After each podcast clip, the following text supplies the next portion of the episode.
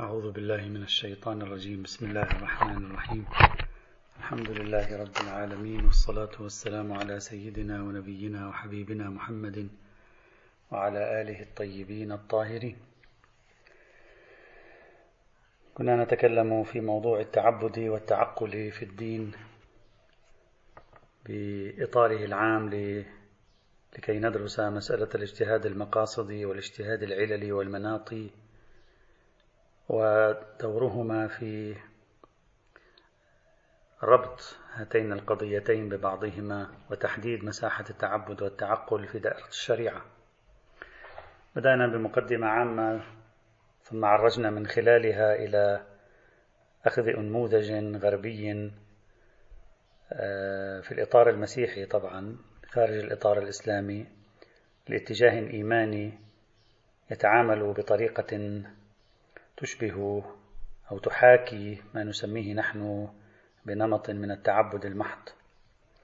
تحدثنا عن كريكجارد عن طريقة تفكيره منطلقات هذا التفكير مبررات هذا التفكير. ثم توقفنا بعض الشيء عند بعض الملاحظات النقدية التي آه، سجلناها عليه. وكانت أبرز هذه الملاحظات النقدية التي سجلناها عليه بالأمس لا بأس أن أفهرسها مرة أخرى. أولا إن نفي التعقيل عن الإيمان يهدد الإيمان نفسه لأنه يسمح للخرافة والأساطير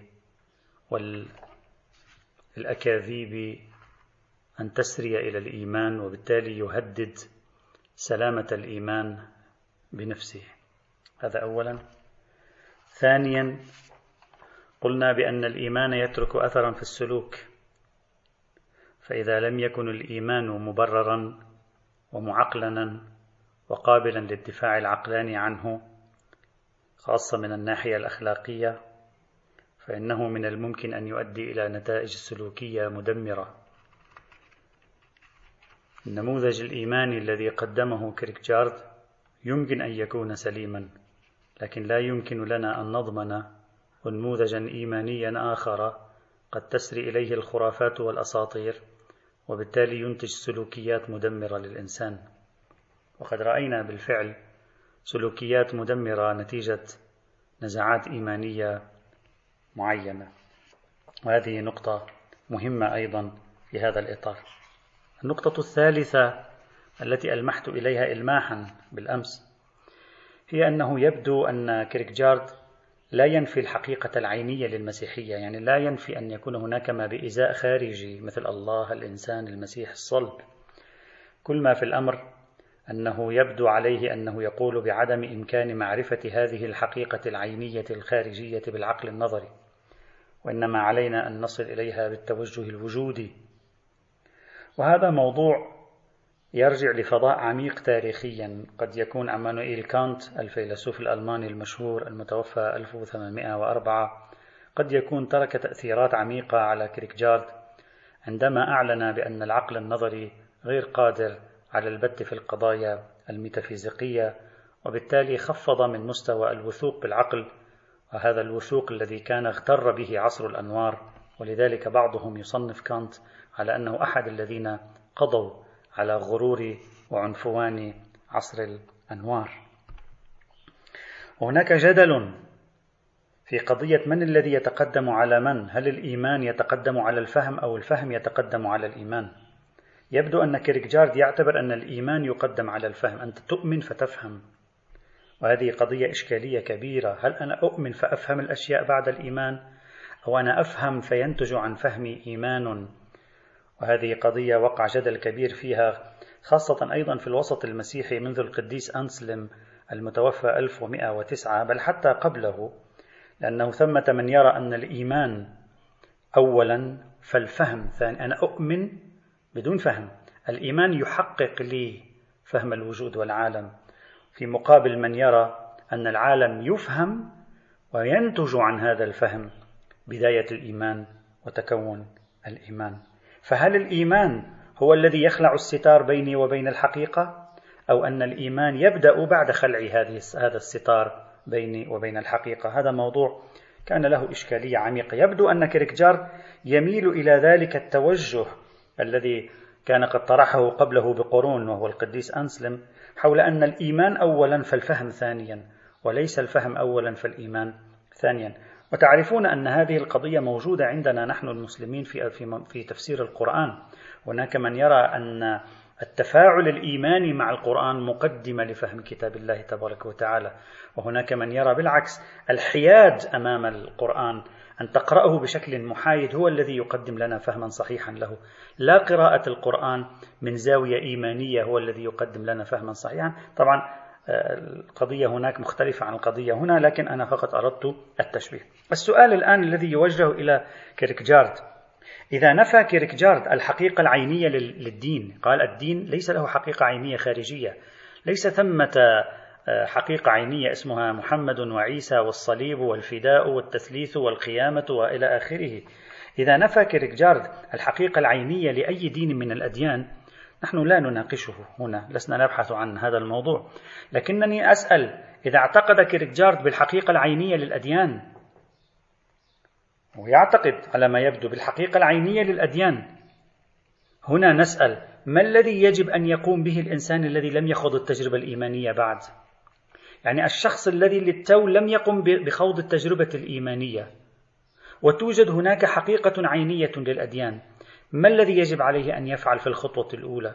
طبيعي أن كيركجارد سيطالبه بأن يخوض التجربة وأن لا يضيع الوقت بالتفكير الآفاقي لكن السؤال الذي أطرحه الآن أمام كيركجارد إذا كنت لا أريد أن أضيع وقتي بالتفكير الآفاقي بالبحث التاريخي بالبحث الفلسفي بالبحث العلمي بالبحث الكلامي بالبحث العقلي ما شئت فعبر إذا كنت لا أريد أن أضيع وقتي لكي أصل إلى الإيمان بالبحث الآفاقي وعلي مباشرة أن أتجه إلى التجربة الأنفسية. السؤال كيف نضمن أن التجربة الأنفسية هذه توصلنا إلى الحقيقة العينية؟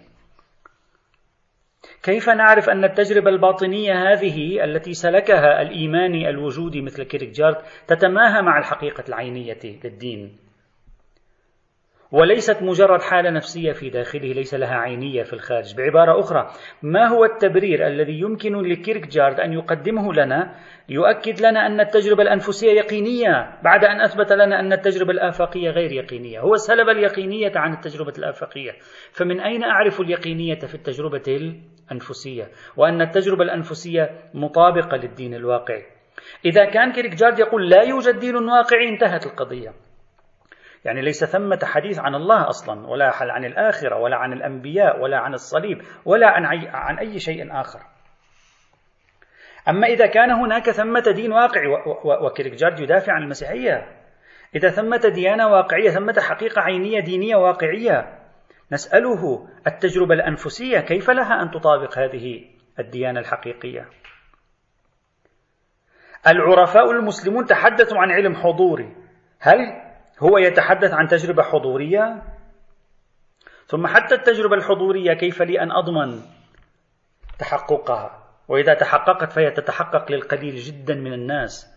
كيف لي أن أتحدث عن سائر الناس أيضا؟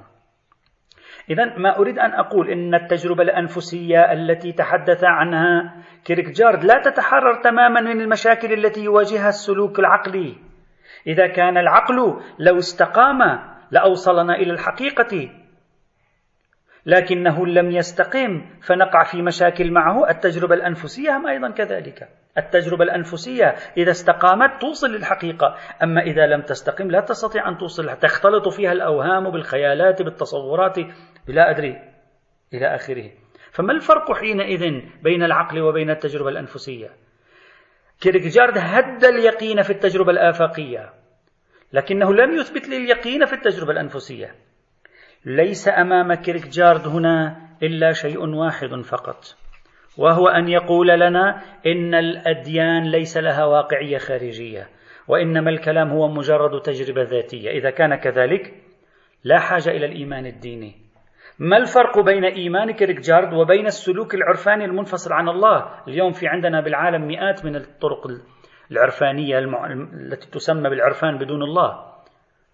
فإذا ما الفرق بينه وبين الذين لا يؤمنون بالله إطلاقا؟ والمفروض أنه إيماني وجودي مؤمن. يعني هو يؤمن بالله. كل إطار تحليل كيركجارد هو إطار داخل إطار الإيمان بالله سبحانه وتعالى. فماذا فعل كيركجارد ما الذي حصله؟ هز أركان التفكير الآفاقي وطبعا كان قد هزه قبله كل من هيوم. وبعده كانت ولكنه لم ينشئ لنا يقينا أيضا في التجربة الأنفسية. إذا كان يقصد من اليقين من الإيمان الذي لا يزول في التجربة الأنفسية. إيمان مطابق للحقيقة العينية لم يكشف لنا وجه المطابقة. وإذا كان يقصد من الإيمان الذي لا يزول في التجربة الأنفسية إيمان لا علاقة له بالحقائق العينية محض تجربة ذاتية لا أكثر ولا أقل لا تحكي عن شيء في الخارج لا يهمها أن تتطابق مع شيء في الخارج. إذا ما الفرق بينه وبين الإيمان المخارج لله؟ بين بينه وبين التجربة الوجودية المطلقة المنفصلة عن الله. وهو المفروض أنه يتكلم في داخل الإيمان في داخل الأديان بل هو يتكلم في داخل المسيحية. إذا هذه المشكلة الثالثة ينبغي أن نضيفها في مناقشة كيركجارد فيما سلكه في هذا الإطار. بل أكثر من ذلك دعوني أضيف أيضا أمرا. هذا الأمر أيضا بالنسبة إلينا مهم في هذا المجال. وهو أن كيركجارد كلمنا عن الإيمان الفردي. لا شك أن الفهم الذي قدمه كيركجارد للظواهر الإيمانية ترك أثر كبير. هناك من يعتبر أن التأملات التي وضعها كيركجارد في القرن التاسع عشر تركت أثر على العلوم الإنسانية. هناك مفكر غربي اسمه ريتشارد هوفر يعتقد بأن كيركجارد لا ينبغي أن نستهين بتأثيراته على علم النفس لأنه خاض كثير في التجربة النفسية للإنسان. ومن بثق من علم النفس من نظريات وتحليلات وقضايا الطب النفسي في القرن العشرين. لكن واحدة من لا ننكر التأثيرات الإيجابية لكيركجارد لكن واحدة من التأثيرات التي تركتها أفكار كيركجارد أرجو التأمل جيدا عزل الدين عن الحياة العامة. جعل الدين يفقد قدرته على التأثير الاجتماعي. هذه نقطة مهمة لأن كيركجارد أخرج الدين من الدائرة الطقوسية أخرج الدين من الدائرة الاجتماعية جعل الدين في داخل النفس الفردية فقط قصره على تجربة ذاتية. لذلك هناك دكتور ألماني لديه دراسة نشرت في وهي كتاب مترجم إلى العربية تحت عنوان مأزق المسيحية والعلمانية في أوروبا شهادة ألمانية. وهذا الباحث الألماني اسمه آه، كونزلن. هو يتكلم عن خصخصة الدين. يبدي امتعاضه من المآلات التي وصل إليها الدين في الغرب من حيث أن الدين فقد وخسر قدرته على التأثير في الغرب. لم يعد الدين قوة موجهة للحياة في الغرب. وبالتالي فصلت نهائيا المعتقدات الدينية عن القضايا المدنية وعن الحياة المدنية وعن الحقوق المدنية. ما معنى هذا الكلام؟ معنى ذلك أن التأثيرات الإيجابية لأفكار كيركجارد في داخل النفس الفردية الإنسانية جعلتنا نجعل الدين منحسرا بل شبه متلاش من الحياة العامة. ما معنى هذا الكلام إخواني؟ أرجو التأمل جيدا نحن نتكلم الآن شوية خرجنا من إطار البحوث الأصولية ما معنى هذا الكلام؟ معنى ذلك أن كل السياق الاجتماعي السياسي الذي يمكن أن يوفر للفرد اندفاعه نحو التجربة الدينية خسرناه. ما أنت لما تخرج الدين من الإطار الاجتماعي السياسي بالكلية وتقول الدين ليس سوى تجربة ذاتية فردية لا علاقة له بأنظمة طقوسية لا علاقة له ببروتوكول اجتماعي وتركز كل نظرك الديني تركزه بشكل كبير على الذات الفردية. ضعوا خط تحت كلمة الفردية. الذات الفردية الإنسانية. إذا كان الأمر كذلك معناه نحن قلنا للدين انحسر من الحياة الاجتماعية السياسية. انحسر الدين من باب من القوانين. انحسر الدين من مجال الحقوق المدنية. انحسر الدين من مجال تأثيره الاجتماعي والسياسي. طيب بعد انحسار الدين من المجال من تأثير الاجتماعي والسياسي. الآن كيف ماذا فعلنا نحن مع الآخرين؟ يعني مع الآخر أنا الآن أتكلم عن تأثيرات كيركجارد السلبية على إحساسي بالآخر. عندما وصلنا إلى هذه النتيجة التي قالها كيركجارد لم يعد لدي أي إحساس بالآخر أخلاقيا. كيف؟ بمعنى أنا لم يعد لدي اهتمام بصيرورة الآخر صاحب تجربة إيمانية. لأن بمجرد أن يكون عندي اهتمام بصيرورة الآخر صاحب تجربة إيمانية وهذا إحساس أخلاقي باعتبار أنني أعتبر أن التجربة الإيمانية هي سلامة ذاتية للإنسان ورقي للإنسان. إذا لم يكن لدي اهتمام بالتجربة الإيمانية للآخر ما معنى هذا الكلام؟ معنى ذلك أنني فقدت إحساس المسؤولية الأخلاقية تجاه الآخرين. في أمر أعتبره أنا من أرقى نماذج الحياة الإنسانية وهو النموذج التدين الإيماني. برأي كريكجارد نفسه. لماذا أنا لم يعد لدي إحساس المسؤولية تجاه الآخرين؟ لأنني قلت للدين عليك أن تنحسر من الحياة الاجتماعية بمجرد أن أفكر في الآخر يعني أخرجت الدين من ذاتي نحو الآخر أي أدخلته في الإطار الاجتماعي. صار, صار إطار علائقي. صرت أنا أريد أن أؤثر في الآخر لأجذبه نحو, نحو الإيمان. وصار شخص آخر يريد أن يؤثر في رابع ليجذبه نحو الإيمان. هذه المنظومة دخل عاد الدين للدخول في الحياة الاجتماعية. بينما تفكير كيركجارد يجعل الدين داخل الحياة الإنسانية الفردية وبالتالي يفقده قدرة التأثير والحضور. إذا أفكار كريتجار تجعلنا أمام زوال كل السياقات الاجتماعية والسياسية التي يمكن أن توفر توفر للفرد اندفاعه نحو التجربة الدينية. لماذا؟ لأن عندما قلت أنت للمسيحية انحسري من تجربتك الاجتماعية السياسية ادخلي داخل التجربة الذاتية الأنفسية الفردية فهذا معنى أنك سمحت للعلمانية بما تحمله من نزعة أخلاقية أيضا سمحت لها أن تكون هي الموجه في الاجتماع البشري ورفضت أن يكون الدين موجها في الاجتماع البشري. قلت الدين موجه في التجربة الفردية الأنفسية. أردت التأمل جيدا. هذا معناه أننا إذا أردنا أن نسير في إطار إحساس الفرد بالآخرين وهو إحساس إنساني هل يحق لمثل كيركجارد أن يخرج الدين من السياق الاجتماعي فيفقد الإنسان أو الفرد انبعاث طاقته الإيمانية الكاملة؟ هل إذا تركنا اللادينية العلمانية تتحرك في السياقات الاجتماعية ورفضنا تحويل الدين إلى منظومة اجتماعية. نكون قد ضمنا وأرجو الانتباه قد ضمنا سلامة الحياة الروحية للأفراد أو لا؟ طبعا نحن نتكلم الآن مع كريكجارد المؤمن. أرجو أن تكون فكرتي صارت واضحة. نحن لا نختلف مع كيركجارد في ضرورة تغيير شكل الحضور الاجتماعي والسياسي للدين. نعم شكل الحضور الاجتماعي والسياسي للدين ممكن عندنا ملاحظات كثيرة. منذ المسيحية منذ اليهودية إلى يومنا هذا في مشاكل كثيرة أمام شكل الحضور الاجتماعي للدين. وكذلك شكل الحضور السياسي للدين. نحن لا نختلف مع كريكجارد في نقد الإفراطية الطقوسية الاحتفالية التي بالغت بها الأديان اليهودية المسيحية والإسلام أيضا. أديان بشكلها التاريخي أتكلم. هذه الإفراطية الطقوسية غيبت الهوية الحقيقية للتدين للإيمان. اللي هو ينبع من داخل الإنسان. صارت هوية, هوية مستلبة. إذا نحن بحاجة إلى إعادة النظر في شكل حماية الوجود الاجتماعي للدين.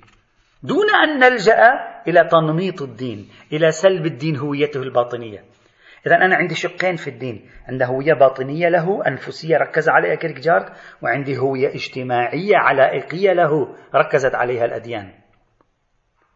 الغرق في فردانية الدين كما فعل كيركجارد لن ينتج سوى تفتيت السياقات المحيطة المساهمة في بعث الروح الإيمانية في الأفراد.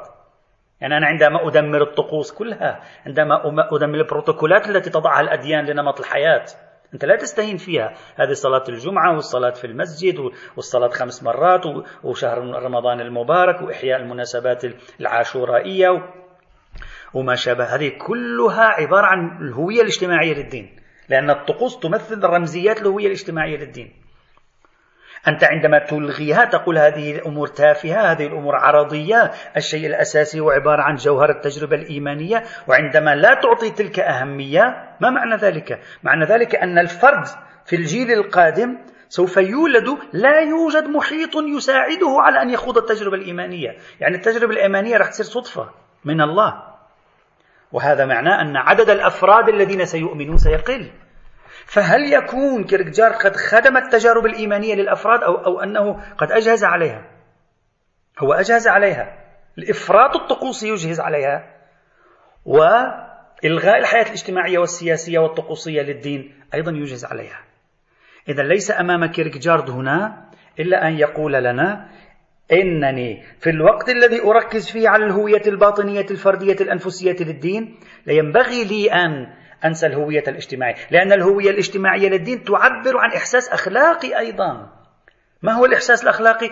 أنني أخلاقيا معني بالآخر أن يرتقي كما أنا أرتقي لأن المفروض أن الدين رتبة ارتقاء إنساني من وجهة نظر كيركجارد وأن الإنسان يبلغ تمام إنسانيته بالدين لا بالأخلاق هذا هو الفرق بين كما أشرت بالأمس بين كيركجارد وبين كانت. كانت قلل الدين إلى الأخلاق. كيركجارد رفع الدين فوق الأخلاق. فإذا أنت رأيك أن الإنسان لا تكتمل إنسانيته إلا بالرتبة الحسانية أي رتبة الحس. والرتبة الأخلاقية والرتبة الإيمانية الدينية. إذا لا تكتمل إنسانيته. إذا أنت لا تقوم عندما تركز على الجانب الفردي لا تقوم بدعوة الآخرين للارتقاء بإنسانيتهم. أنت تقول لهم ابقوا لوحدكم سيأتيكم الجذب الروحي على الصدفة. هذه هي المشكلة الأساسية التي يقع فيها كيركجارد النقطة الأخيرة أيضا لا بأس أن أضيفها في موضوع كيركجارد وهي نقطة سادسة ستكون أظن. هي أن كيركجارد بس خلوني فهرس ما قلناه حول كيركجارد يعني الإشكاليات التي قلتها حول كيركجارد أولا مخاطر نفي التعقيل أو بعبارة أخرى نفي التعقيل يفضي إلى غزو الخرافات والأساطير للأديان وهذا له مخاطر. ثانيا مخاطر ترك التعقيل من زاوية تأثيره على السلوك الإنساني. ثالثا مخاطر ترك التعقيل من زاوية كيف يمكنني أن أتوثق من سلامة الإيمان؟ هل الإيمان سيكون حين كيف أثبته؟ إذا لم أثبته بالتجربة الآفاقية هل هل أن التجربة الأنفسية تثبته؟ وكيف؟ رابعا لا أدري رابعا أو خامسا أنا دائما أنسى. نعم رابعا فردية الإيمان. هل تساعد على انتشال الآخرين ومساعدتهم ليخوضوا التجربة الإيمانية أم أن فردية الإيمان الكيركجاردية تؤدي إلى خروج الدين من الحياة الاجتماعية؟ ومن ثم هيمنة أعداء الدين بهذا المعنى الذي يقول هيمنة تيارات مغايرة للدين في الحياة الاجتماعية والسياسية. الأمر الذي يجعلني كأنني فقدت إحساسي بالمسؤولية تجاه الآخرين. من الآخرين معني أن أرتقي بهم في كمالهم الأخلاقي وفي كمالهم الإيماني والإنساني وهذه نقطة آه، إشكالية أخلاقية في تقديري تواجهها الأفكار التي طرحها آه، كيركجارد هنا. النقطة الخامسة والأخيرة والتي أثيرها الإيمان عند كيركجارد لا أريد أن أطيل في هذه النقطة. كيركجارد دائما كما لاحظتم بالأمس دائما يقول الإيمان محكم لا يتزلزل. وبالتالي أي شيء يؤدي إلى أن يجعل الإيمان يتزلزل إذا ينبغي أن لا يكون الإيمان مبنيا عليه. هذه لاحظناها جيدا هذه النقطة. الآن أنا أسأل كيركجارد من أين فسر كيركجارد أن الإيمان لا يتزلزل؟ منين جاب هذه؟ ليش لابد الإيمان لا يتزلزل؟ الحقيقة أنت اسأل نفسك هذا. لماذا الإيمان له سمة أنه ممنوع يتزلزل بحيث لو تزلزل عرض طارئ فزلزله فاضطررنا لنفعل شيئا لكي نعيده إلى استحكامه فهذا معناه أنه نقيض الإيمان. لماذا يدخل كيركجارد عدم التزلزل جزءا من تعريف الإيمان؟ لماذا؟ في سببين ممكن يخطر في ذهن يخطران في ذهننا. أولا أن يكون كيركجارد وهذا لا أستبعده أخذ النسخة التاريخية للإيمان. الإيمان دائما الأنبياء الأولياء آباء الكنيسة الأوائل المضحون من علماء بني إسرائيل. واضح عندما تقرأ التاريخ في قاسم مشترك بين الكل. ما أدري إذا, إذا هذه تلاحظونها. وضوح عندهم وضوح عجيب. إيمان يقيني رائع. لا يتزلزل حتى أمام أشد المخاطر. دائما تعصف بهم العواصف ولكن تجدهم مستقرين إيمانيا. كيركجار أخذ تعريف يعني أخذ قيد عدم التزلزل في تعريف الإيمان أخذه من أين؟ أخذه من الصورة التاريخية للدين فوجد بعد ذلك أن ربط الإيمان بالعلم سوف يهدم هذه الصورة التاريخية. لأن العلم في حال صيرورة وسيرورة وبالتالي سوف يخضع الإيمان للتزلزلات وإعادة النظر كلما حصلت تطورات علمية. فينبغي أن نعزله. هذا احتمال أول.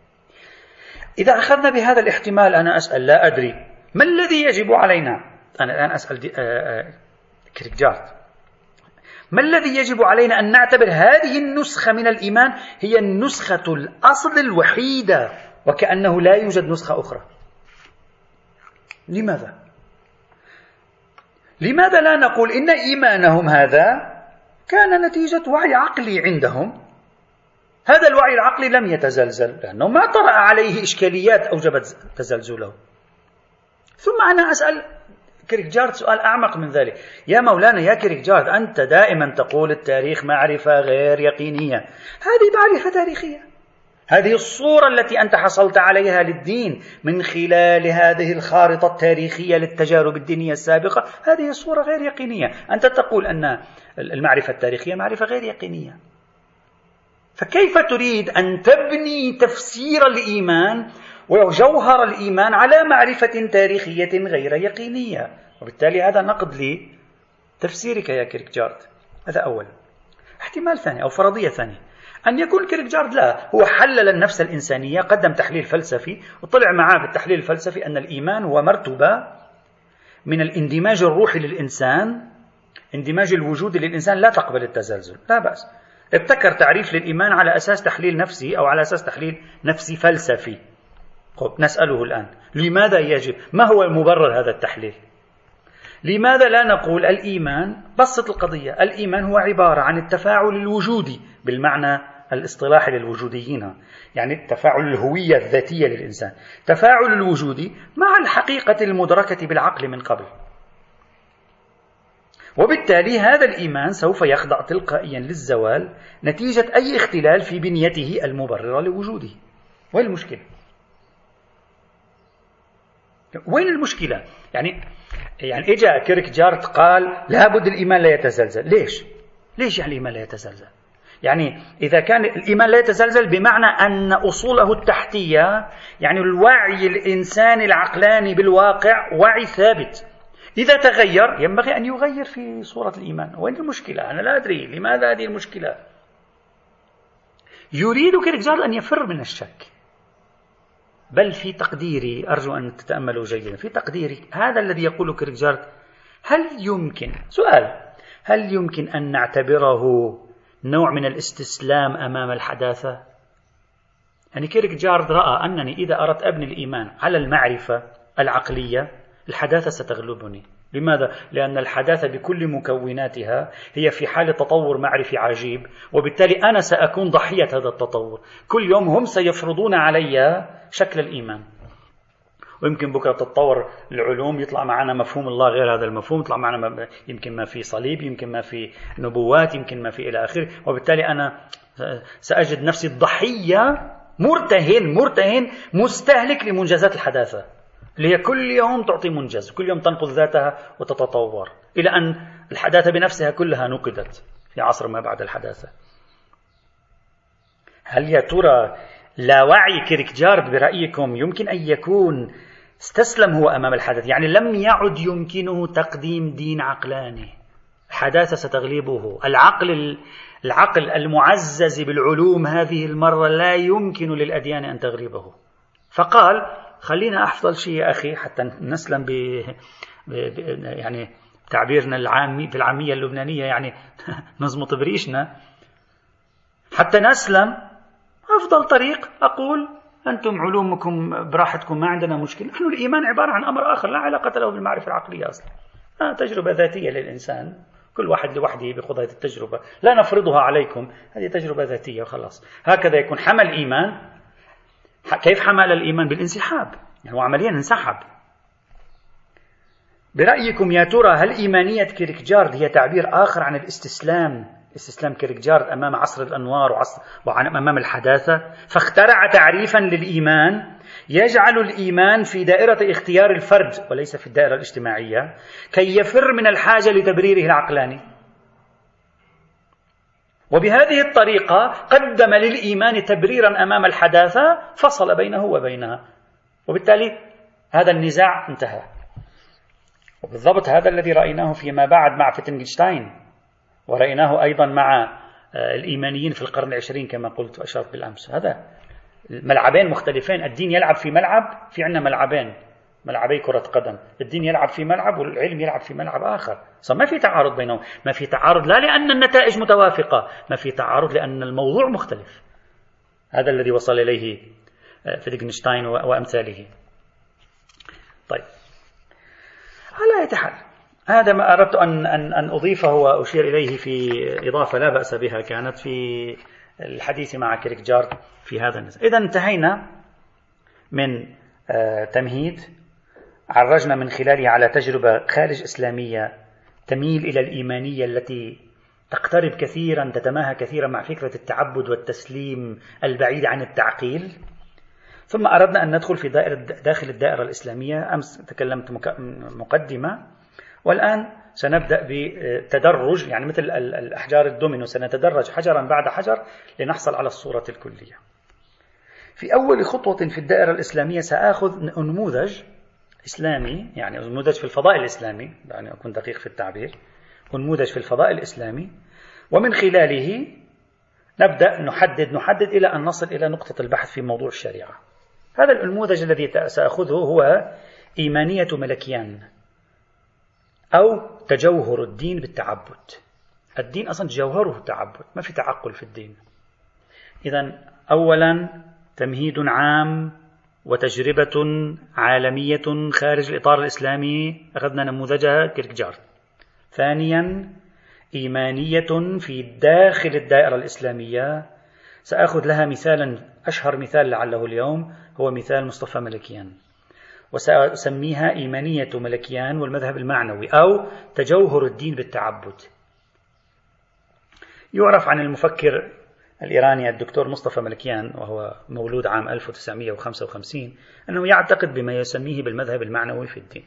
قبل أن أبدأ بالحديث عنه لابد أن أشير إلى آه، مصادر المعلومات التي سوف أنا سأشرح نظرية ملكيان خلال هذه الأيام بعدين سنعلق عليها بجملة من التعليقات.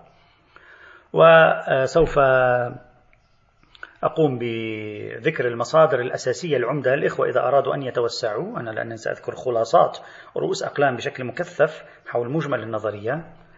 بإمكان الإخوة أن يراجعوا في هذا الإطار. طبعا أنا الإخوة يعرفون أنني في سنة 2006 آه، ألقيت آه، عشر محاضرات حول الدين والحداثة. آه، مع الأسف هذه المحاضرات صوتياتها ذهبت. مع الأسف لا ليست عندي. ثلاث محاضرات كانت آه، حول الدين والحداثة عند الدكتور آه، طه عبد الرحمن وأيضا الدين والحداثة عند الدكتور مصطفى ملكيان وثلاث شخصيات أخذت في حينه. ومن بينها ثلاث محاضرات كانت مخصصة للدين والحداثة عند الدكتور مصطفى ملكيان. طبعا الأستاذ أخونا أحد طلابنا الأعزاء وهو الأستاذ عماد الهلالي قام بتقرير تلك المحاضرات الخاصة بملكيان. ثم نشرها في إحدى المجلات في سنة 2009 وأشار هناك هو في الهامش إلى أن هذه عبارة عن خلاصة محاضرات ألقاها فلان ووثقها هو ببعض المعلومات. على حال.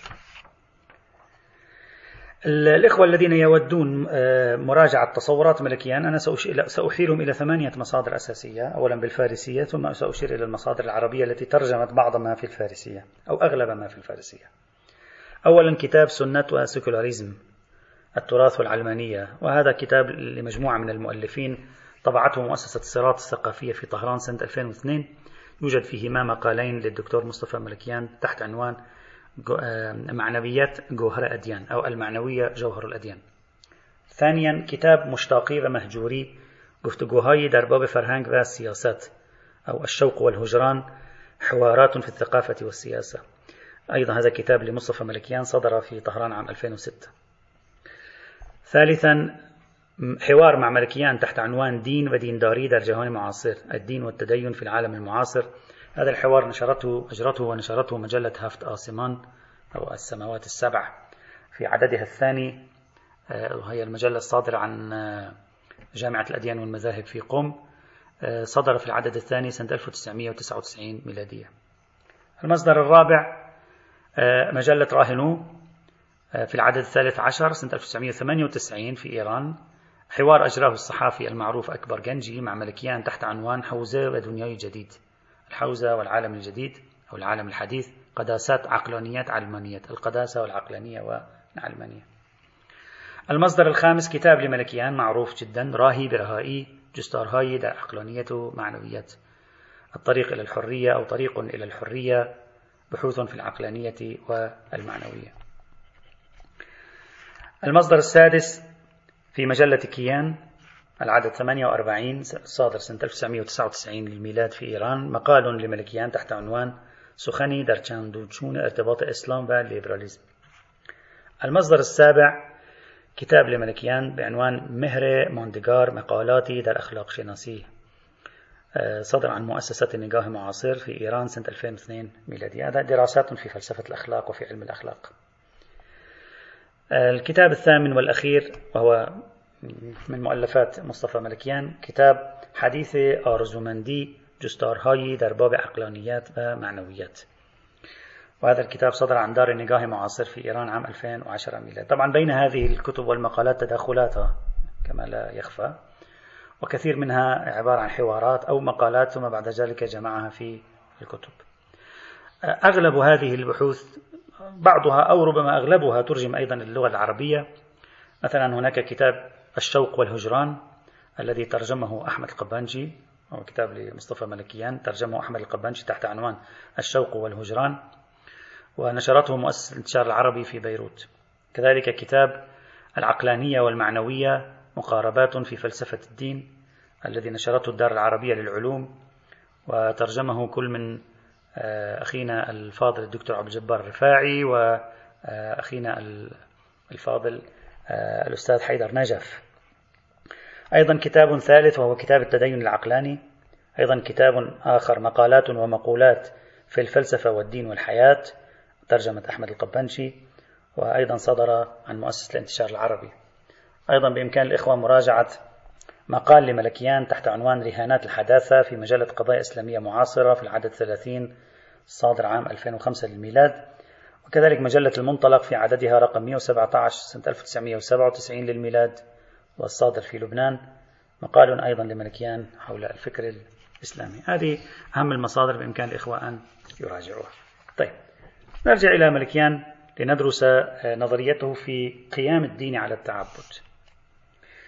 ملكيان يعتقد بالدين المعنوي قناعته التامة أن الدين شيء والحداثة شيء آخر. حداثة بما تمثله من مرجعية العقل شيء آخر. منفصلان تماما. الدين عنده قائم على التعبد على النقيض من الحداثة القائمة على العقل. توجد هنا ثلاثة مفردات أساسية لا بد أن ندرسها بعض النقاط المتصلة بها وفق تصور ملكيان. عندنا الحداثة عندنا الدين عندنا المعنوية.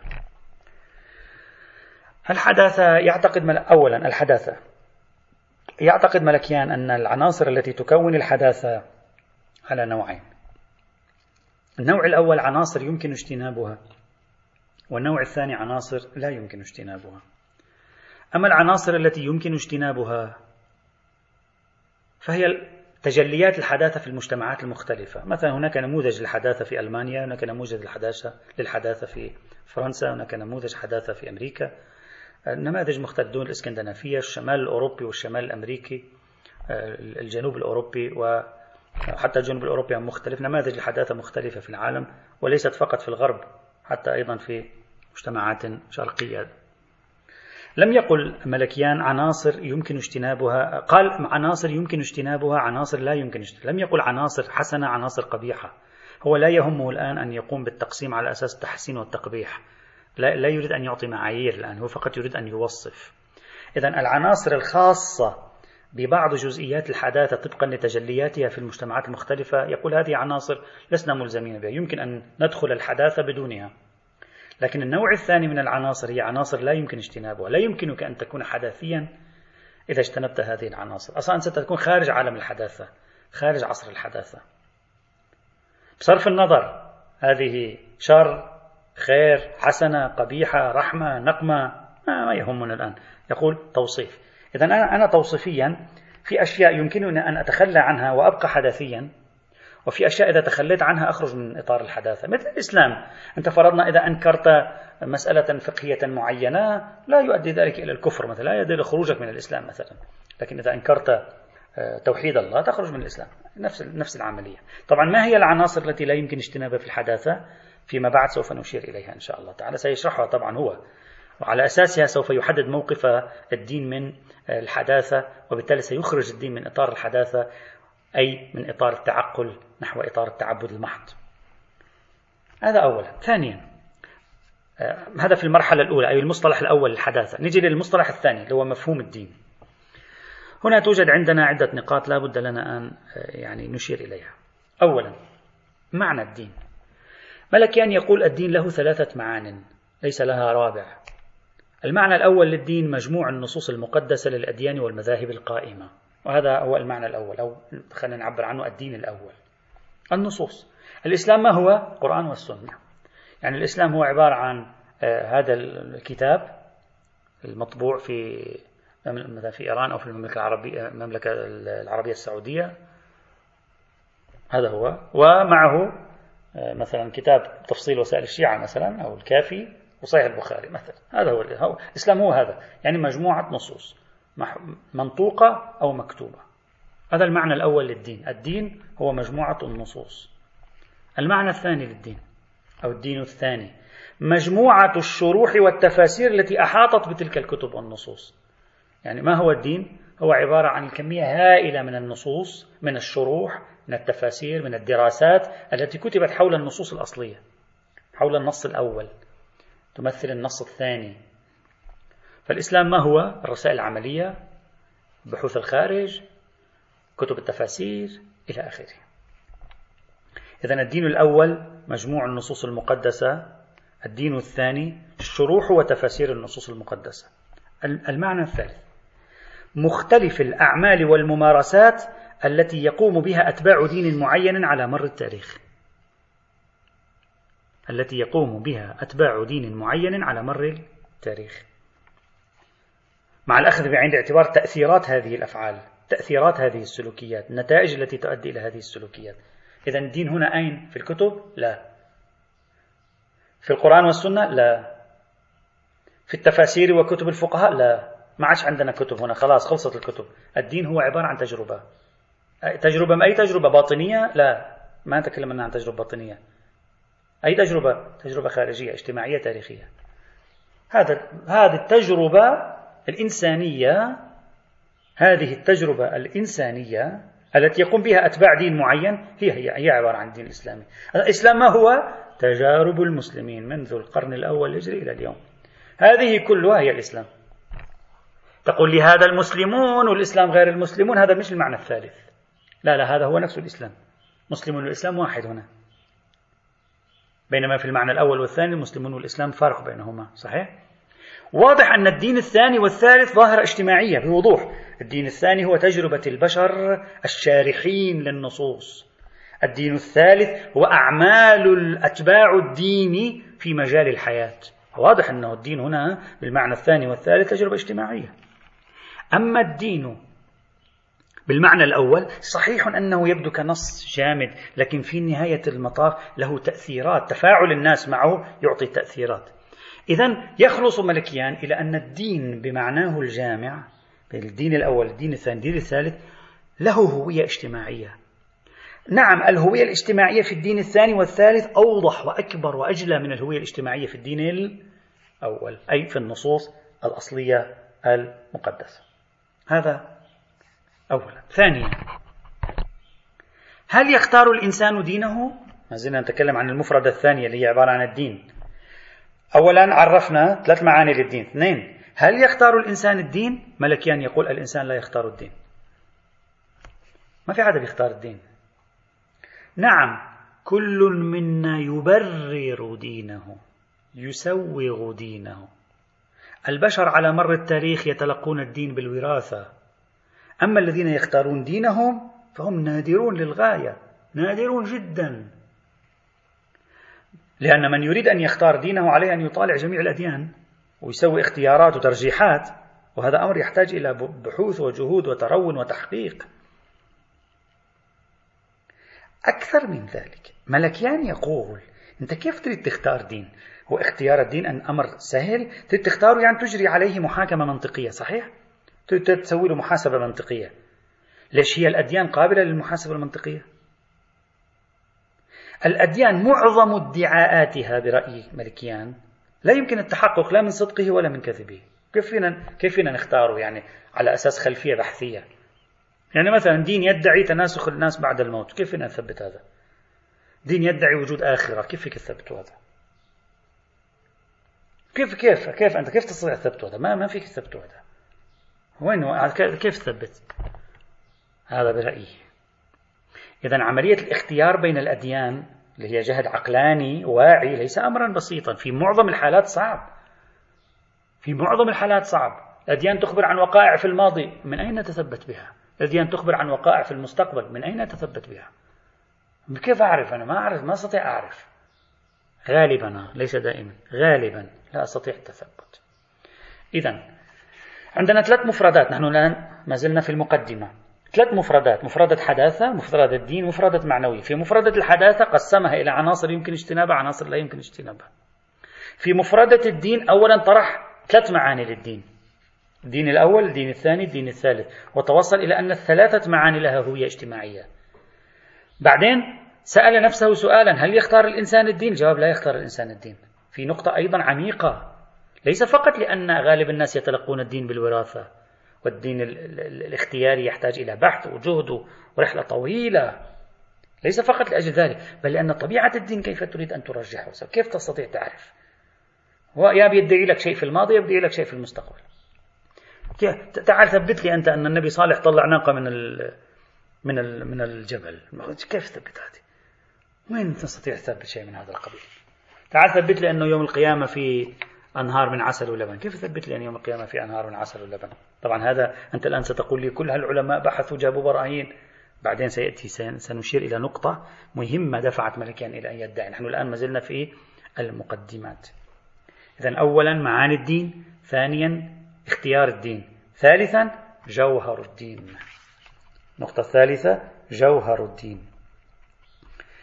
فيما يتعلق بجوهر الدين؟ يقول ملكيان الدين كلمة جوهر الدين نفسها لها ثلاثة معان. لازم نفس كلمة جوهر الدين هذه لها ثلاثة معان. تبعا لماذا تقصد أنت من العملية التركيبية جوهر الدين؟ المضاف والمضاف إليه. يمكن أن نطرح ثلاثة معان هنا من وجهة نظر ملكيان أيضا. يأتي إن شاء الله تعالى. والحمد لله رب العالمين.